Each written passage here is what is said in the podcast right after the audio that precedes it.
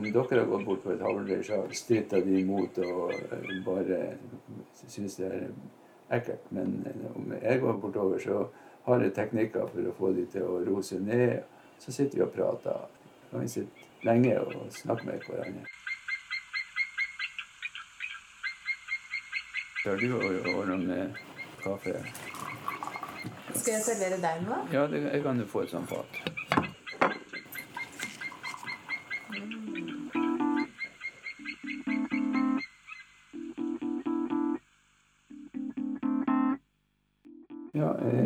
Heter Åsmund Gylseth. Er født i denne stua her. Er rektor av yrket. Den største delen av min voksne arbeidstid det er å være rektor i Leinsfjord, på skolen der som er kombinert barne- og ungdomsskole. Og der har jeg vært rektor i 30 år. Men nå har jeg vært pensjonist i mange år, så det er jo mye mer gøy å være pensjonist. Akkurat um, hva som er egget og hva som er høna i det der, det er det ikke godt å vite. Men eh, jeg har alltid vært interessert i natur. Og så, sånn sett så fikk jeg greie på veldig mange havreir hvor de var plassert henne. Og det førte til at i slutten av 70-tallet så kom det en fremmed mann her på døra. Han snakka vestlending og spurte om at jeg kunne vise ham hvor havreirene var henne. Og jeg setter jo hellene ned med en gang. Man forteller ikke sånt til helt vilt fremmede folk. Men han greide å overbevise meg etter hvert om at uh, de her posisjonene de kunne godt gi fra meg. Han heter Harald Misund og var militær i Bodø. Og um, jeg var med han og ringmerka havørn i to-tre år. Og så en dag så sa han til meg at du Åsmund, jeg har så stort et område å ringmerke havørn på at jeg, jeg lurer på om du kan overta steigen. Og jeg sa jo ja med en eneste gang. Og det her var vel i 76 kanskje. Så han var spesialist på fugl, men bare på hobbybasis. Han, I utgangspunktet var han vel Han var offiser i hvert fall i flyvåpenet. I en eller annen sammenheng så fikk han kontakt med Skottland. Så kom det opp et nordisk prosjekt hvor at de skulle overføre ørneunger til Skottland fra området her. Og da hadde jo han kontakt med flymiljøet i Skottland. Og da kom det et eget Nimrod-fly over og henta bortimot 150 ørneunger. Og eh, det er sagt å være et av de mest vellykka sånne type prosjekter som har vært gjort. Så hadde det vært et, et fantastisk godt samarbeid mellom Skottland og, og, Norge. Og jeg har bare vært med og levert 15 ørneunger til prosjektet. Og det har vært artig. De, de her ørneungene de har vi hatt de plasserte i sånne store esker på låven her så jeg har på sida her. Og gjett om det så ut der. I havørnen når at hun skal gjøre ifra seg sitt fornødne, så setter hun baken opp, og så Og, og da traff det en par meter opp i lufta bak. Og, og det så jo ikke ut på den låven, for at det, var, det lukta jo guano. Og jeg tror grensen ble satt på seks uker. De måtte være, være seks uker gamle. Og, og, det skulle alltid være to i et reir, sånn at du tok bare én av de. Og den størrelsen de er på, det er ca. som en vanlig kalkunsteik. Men det er jo stort nok, det.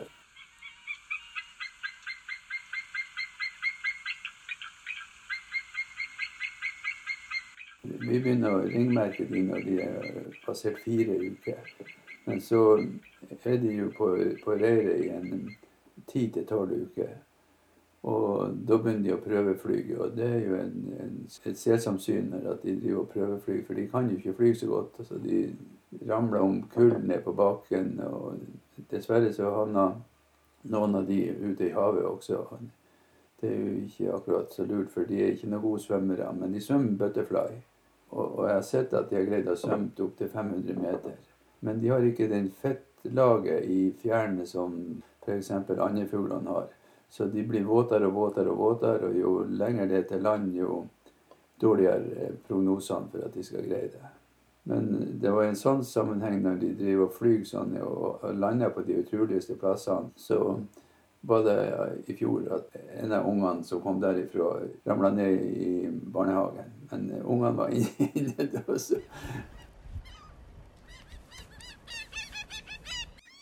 Det som gjør at, eh, at Steigen har en av de tetteste havørnbestandene i verden, det er alle de, de smale sundene som er utenfor kysten her. Og de smale sundene gjør at det blir grønt vann, og, og det blir turkys nærmest. Og hvis fisken svømmer oppå der, så ser ørna den veldig godt. Men i tillegg har de en oter som hjelper dem. Det er et nært samarbeid mellom havørn og oter. Oteren går ned til kanskje ti meter dyp, plukker opp flyndre eller hva det måtte være. Og så setter han seg på land og spiser, og så spiser han alltid bare halvparten. Og den andre halvdelen blir igjen til, til ørna. Og ørna sitter og venter. Og eh, personlig så tror jeg at det er et reelt samarbeid. Det er en symbiose som er utvikla over tusenvis av år. Og BBC ringte her i høst og skulle prøve å avlure akkurat den der greia. Sånn at det, det er vitenskapsmenn som, som forsker på det området.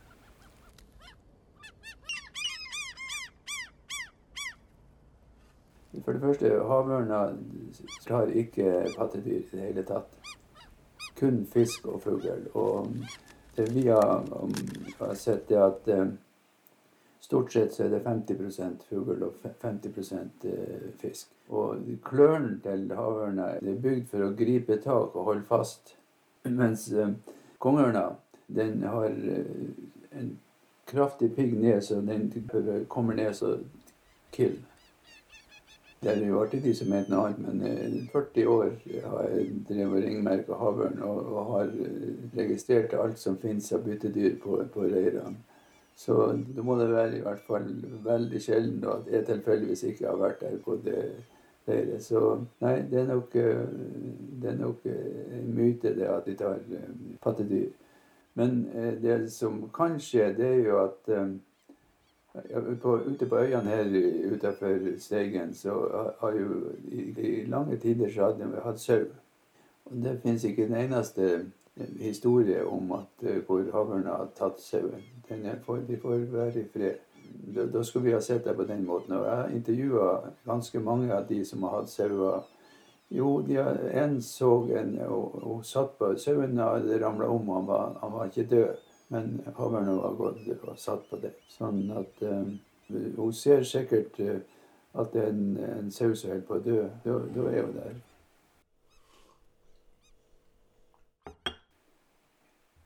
Nei, altså, Når den er som en kalkun, så ser den ut som en kalkun også. Da, da er den opptil fire uker. Så kommer den skallen opp til eh, tolv uker. Og da blir den større og større, selvfølgelig. Og så, og så, lærer den seg å fly, og da ser du en mørk fugl som flyr. Den har ikke noe spor av hvitt på seg. Så når den er fire og et halvt år gammel, så er den kjønnsmoden, og da begynner den å få den hvite halen og klar til å sette bo. Ellers så Nå om dagen så kan du plutselig stå i avisen her og nå må vi snart få lov å skyte noen, for det blir altfor mange av de.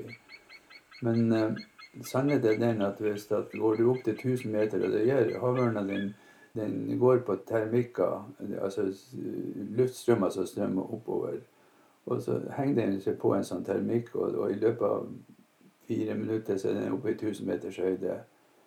Og, og, da har den et ekstraordinært godt syn, så den ser aktivitet i, i Bodø, her fra Lofoten og Narvik den har et fantastisk syn. Og, og, og da, da, ser den at det er en flokk med måser som holder på.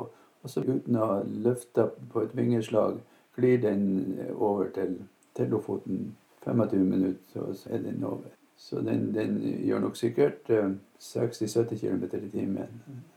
Og da samler seg havørn fra hele Salten. Det vet vi, for at vi hadde ei havørn som hadde mista alle fjærene fra derfra altså inntil skulderleddet. Og eh, den fikk jeg jo telefon om. Ja, nå var den i Bodø, og så kom den. Men nå var den i Steigen. Sånn at uh, den avstanden betyr ikke noe for, for de her fuglene. De, de takler den lett. Den, uh, den, var jo nesten i ferd med å bli utrydda helt til den ble den, I 68 så ble den freda. Og da steg bestanden eksponentielt. Også på 80-tallet så var det på en topp. Men så begynte den å, å få motstand i sykdom, plass å hekke osv. Så, videre. Så da flater det ut. Og så går det ned, og nå ligger det en sånn jernport over. Så vi har 60 par har vi registrert i Steigen. Det er de jeg prøver å finne Det samme fuglen har som regel kanskje fire alternative leirplasser. De er veldig stedtro, og også tro til hele området her inne i Vestfjordbassenget, som vi sier. Jeg tror de kjenner folket også, at de kjenner med. De, de vet at når det kommer, så, så, er det noe på gang. Jeg hadde ei spesialørn, og, og dessverre død nå. Og det var ute på Engeløya når, eh, når, jeg kom, så kommer det en, en, og tar en runde over båten, og er bare ti meter over hodet på oss, og skriker noe gudsjammerlig. Så går jeg opp i leiret og tar en par runder til, og så satte hun seg sånn, sånn 50 meter bortafor. Og, og det gjorde ikke til noen andre, det var bare til meg. Så det var gamlemor som passa på og hilste meg velkommen. Akkurat hva, hva som, blir sagt, det skal ikke jeg være den første til å prøve å oversette, men noen slags beskjed går det. Her For to år siden siden utenfor Norskott så var de over 100 ørner på en gang. Og Da er det fristende, hvis du ikke har satt deg inn i saken, at ja, nå blir det så mye ørn at nå begynner det å bli skummelt. Har du forresten en litt artig historie ute fra, fra Norskott? Det er historien om Koskenkorva. Jeg tror det var en Eva Unglund. Så oppfostra de en ørneunge som de hadde henta fra et reir. Og ga den mat. den ble større og større. og Til slutt så begynte han å bli litt skummelt stor. For de hadde jo unger. De, de, fremdeles heter det da at uh, havørna tar unger. Så de greide å, å, å lure henne inn i ei gammel lofotkiste Og de her trekistene. Og så tok de henne med ut i en båt, og så for de så langt ut så de bare kunne. Og så var de passelig redd den der fuglen, så de har, når de har satt kista på land, så hadde de et tau så de dro så lokket skulle gå av, og de holdt seg på god avstand. Og ja da, ørna kom ut og fløy og satte seg på haugen. Da var, de, var de glad de hadde gjort en god jobb. Så kommer de hjem og kan sitte på portpålen hjemme den samme ørna. Men den hadde jo en sørgelig slutt. De tok og skjøt den. For det var, det var ikke fredag ennå. Det er litt bølger, men det går ikke fint. Nei. Er det noen av dere som blir sjøsjuke? Nei.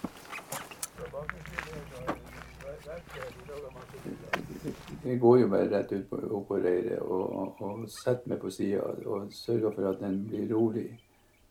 Og så ser du at uh, nakkefjærene, når den er stressa, så står de ut sånn. Så kan jeg se på den uh, og, og, og, gi, gi, noen sånne uh, En del lyd. Kok, kok, kok, og så ser du at fjæra søker ned og søker ned og søker ned. Og da skjønner du at stresset er gått ut av, av fuglen, og han er ikke redd lenger. Da sitter vi og ser på hverandre, og når de største naturopplevelser jeg har hatt i, i min tid, det er å sitte på et havreir. Det er så stort som bordet her. Og så sitter vi der. Så når det har gått en stund, så er jeg på en måte akseptert som en del av selskapet der. Så, så sitter vi i lag og ser på fugler og maneter og hva det måtte være i havet de estimerer ikke med det som om det, det skulle være en av foreldrene som satt på sida. Det er nesten en religiøs opplevelse. Du kommer så forferdelig nært de, de her dyra. Da begynner de å se litt skeptisk på meg igjen når jeg drar fram de der ringene og begynner å skal klikke de på. Og noen ganger så blir de ganske aggressive. De, de har i klypa, det har jeg fått oppdaga noen, noen, ganger. Det, det, er ikke det eneste året at ikke du, ikke har blod nedover fingrene. Men det har vi sagt, vi som driver i denne bransjen, at det, det er adelsmerket. Men jeg har, jeg har vært uh, ute for at uh, blodet har gått gjennom handa. Og det har skjedd uh, i hvert fall én gang som det var veldig vanskelig. Jeg var, på kanten av et stup, det var sikkert 50 meter nede. Og kona mi og Unni satt i båten under, så hun så ikke hva jeg drev med. Det, det her tenkte jeg skulle gjøre fort om å ringmerke de her to store fuglene. Og så bødde jeg meg innover reiret sånn her og skulle bare ta tak i foten. Og dermed pang, satt hun fast. Og så måtte jeg holde meg med den hånda, og så var det stup under. Jeg vet at det er sikkert et kvarter så jeg tenkte hva gjør du nå? Så begynte jeg å bli helt sånn nummen i hånda. Det førte til at jeg måtte tenke konstruktivt. Jeg tenkte aldri på å, å, å ta livet av denne ørna. Det var aldri mine tanker. Jeg fikk skulderbladet bakom en kvist, sånn at jeg kunne slippe med Men jeg hengte jo høvelig i lufta. Så fikk jeg tak i hele vengen og dro inntil Jeg hadde nebbet helt oppe i, i nesen min. Og da um, bestemte jeg meg for den den skal jeg merke. Jeg tok et tak og fikk det på plass. Og jeg greide å merke den ene. Den andre det satt så langt ut at jeg kunne ikke ta sjansen. Det var en selsom opplevelse. Men det, det er mer normalt at det ligger helt stille.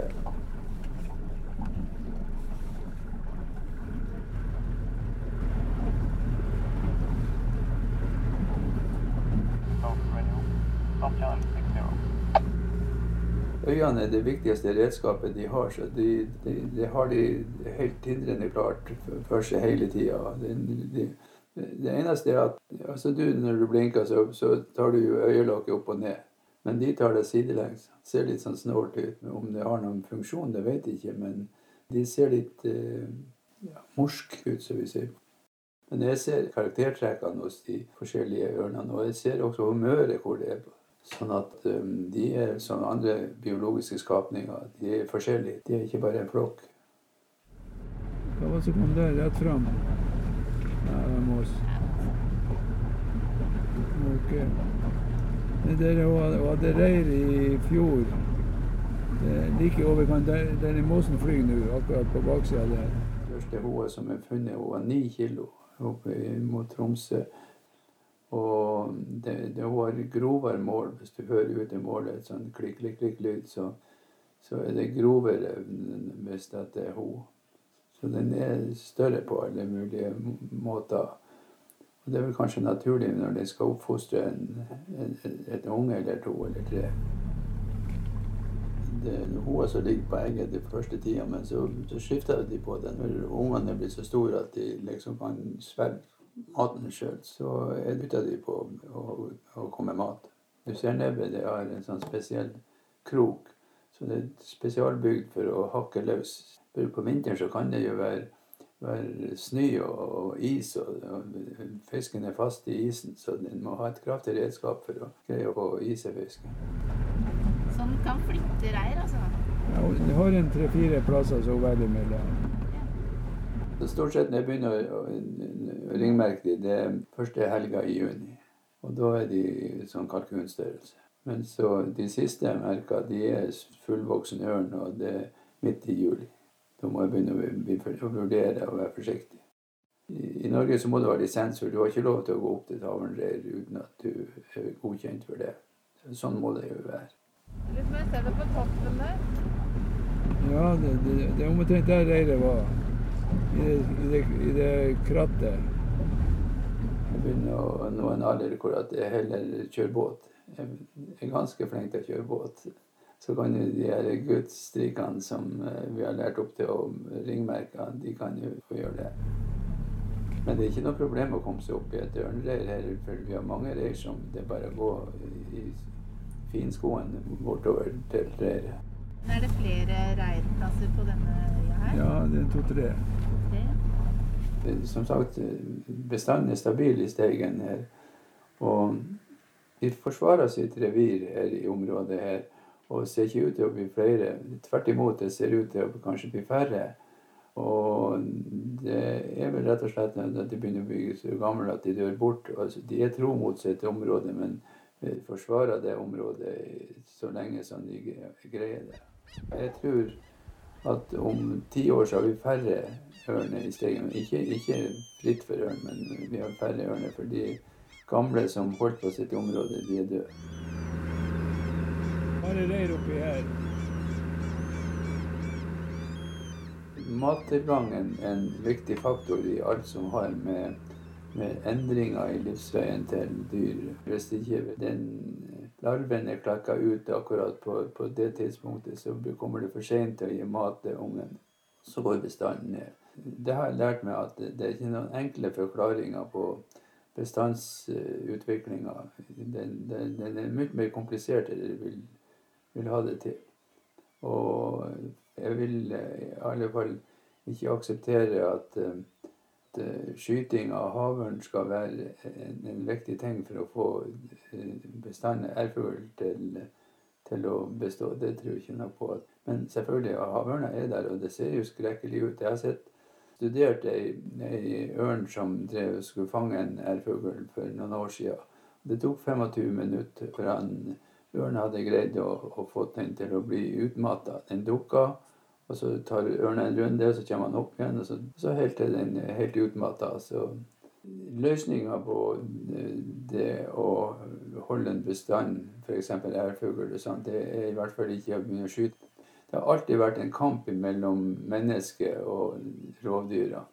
Og det vil det fortsette å være uten at vi greier å gjøre noe særlig med det. det bestanden den går jo ned for all sort av sjøfugl, stort sett. Og den, den, er ganske dramatisk. Sånn at havørna skal liksom ha skylda for alt det der det tror jeg å, å, å bomme litt på resultatet. For klimatiske endringer gjør jo at maten kommer på andre tidspunkt. Der, der ligger nok en av de viktigste faktorene i at det endrer seg. Jeg ser på det som en naturlig utvikling, selv om vi ikke liker den. Altså, jeg forstår at det er en sånn utvikling på gang. Og vi må jo prøve å gjøre det beste med den for at det skal gå helt ferdig. Det går på vår bruk av naturen. Så du den, Ingvild? Nei? Nå var jeg oppfor den uh, tørre buska. Men det er gøy. Jeg har eh, verdens flotteste hobby. Det skjedde en ting, og jeg sikkert kan ta litt av æra for den, at det har endra seg i Steigen ifra at før Haverna ble freda i 68, så skjøt man med gevær på den, for den var farlig. Så har vi greid å snudd den ved å komme med informasjon, sånn at nå er de stolt over den fuglen. Nå er det sett på som noe veldig flott. Jeg får stadig telefoner om nå har vi sett den ørna der, og nå har vi sett akkurat det fenomenet der. Så har vi ørnereiret, bruker å være i det krattet der framme, så prøv å se om dere ser noe. Det så grunt? Jeg må være helt konsentrert. Men akkurat nå så ligger de på reiret. Når det er så kaldt, så ser du bare to sånne tupper som stikker opp, og det er nebbet så vidt som den har overkanten, og så halen bak. Utrolig hva flat de kan presse ned i et reir. Jeg har portrettfotografert nå i masse år havørna for nettopp at jeg, skulle, jeg, tenkte jeg skulle lære meg å, å identifisere hun og han bare på ansiktstrekkene. Men nei, nei det, det, det lar seg ikke gjøre. Hvis den er hvitt og grått, og, og, og, så er det gjerne en unge som er to år gammel. Hvis den er litt sånn spettete. Mens de som er under to år, de er svart. Så de som er eldre eller det, de blir da hvite i håret. akkurat sånn. Eller også nebbet blir hvitt også. Fra svarte går det over svart-gult, og så blir det, blir det helt hvitt når de blir eldgamle. En uh, ting som heller ikke står i bøkene, som vi har funnet ut, er at vi har jo veldig kort avstand mellom reirene ute, utover Hemnesund, ute gjennom øyene. Eh, nærmeste er 400-500 meter. Hvis det var andre rovfugler, så skulle de jo gå i ansiktet på hverandre og slåss for sitt revir.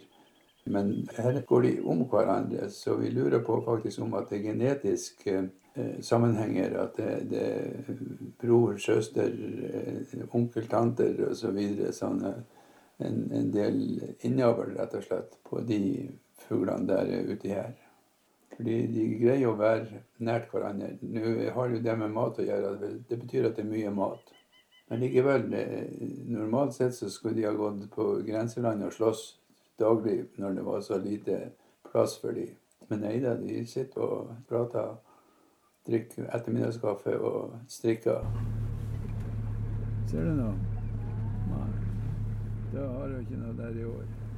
Den har eh, god fart på seg hvis den ligger i 1000 meters høyde og plutselig oppdager noe. Da.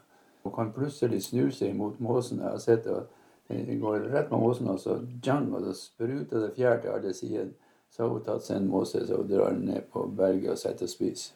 Den, den går opp, og snur den seg på sida, så kommer den sidelengs ned. Om den vil mer fart, jeg vet ikke. Jeg blir ikke lei i det hele tatt av å se akkurat den, den operasjonen der. Der kom hun.